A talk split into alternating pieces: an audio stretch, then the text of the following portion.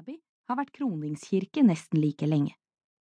Landet har også hele tiden vært rikt nok til at monarkene har kunnet sette spor etter seg, og det har de altså gjort til gangs. Sannsynligvis er det få land som har så mange kjente monarker gjennom historien som nettopp Storbritannia. Wilhelm Erobreren ledet den siste vellykkede invasjonen av øya. Det var i 1066, og i løpet av et par år hadde han latt seg krone i Westminster Abbey og bygge Tower.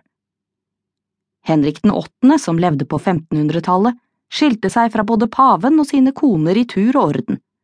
I to tilfeller lot han også konenes hoder skille lag med kroppen. Hans datter, Elisabeth den første, la grunnen for det britiske imperiet da de første koloniene ble grunnlagt langs Nord-Amerikas østkyst. Den aller første ble kalt Virginia etter henne, The Virgin Queen.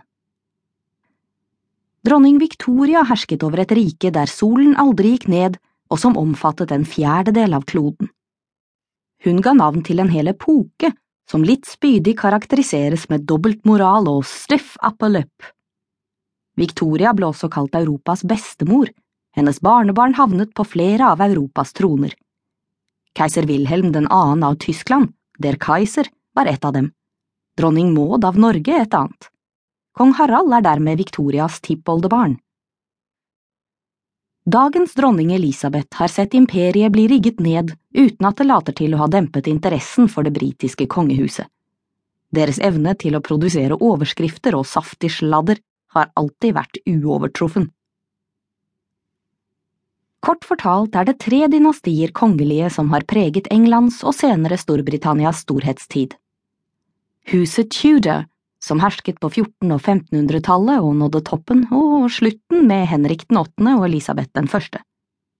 De ble etterfulgt av den skotske kongefamilien Stuart, som vel aldri nådde noe høydepunkt, men snarere et lavmål da Charles den første ble henrettet for forbrytelser mot folk og land, og England var uten konge noen år.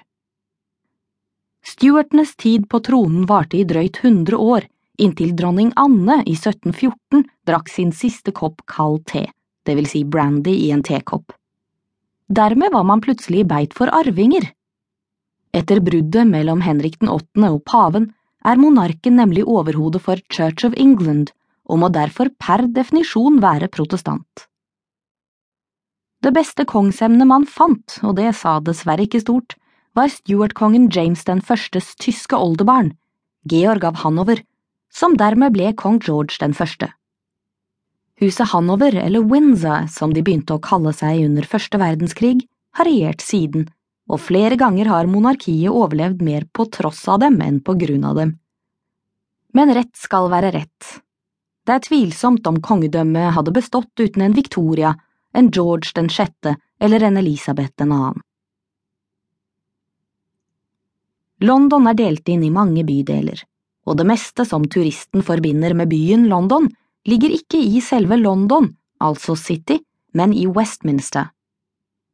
Mange begynner sannsynligvis sin oppdagelse av London i nærheten av parlamentet og Big Ben, som er like mye varemerke for London som Eiffeltårnet er for Paris.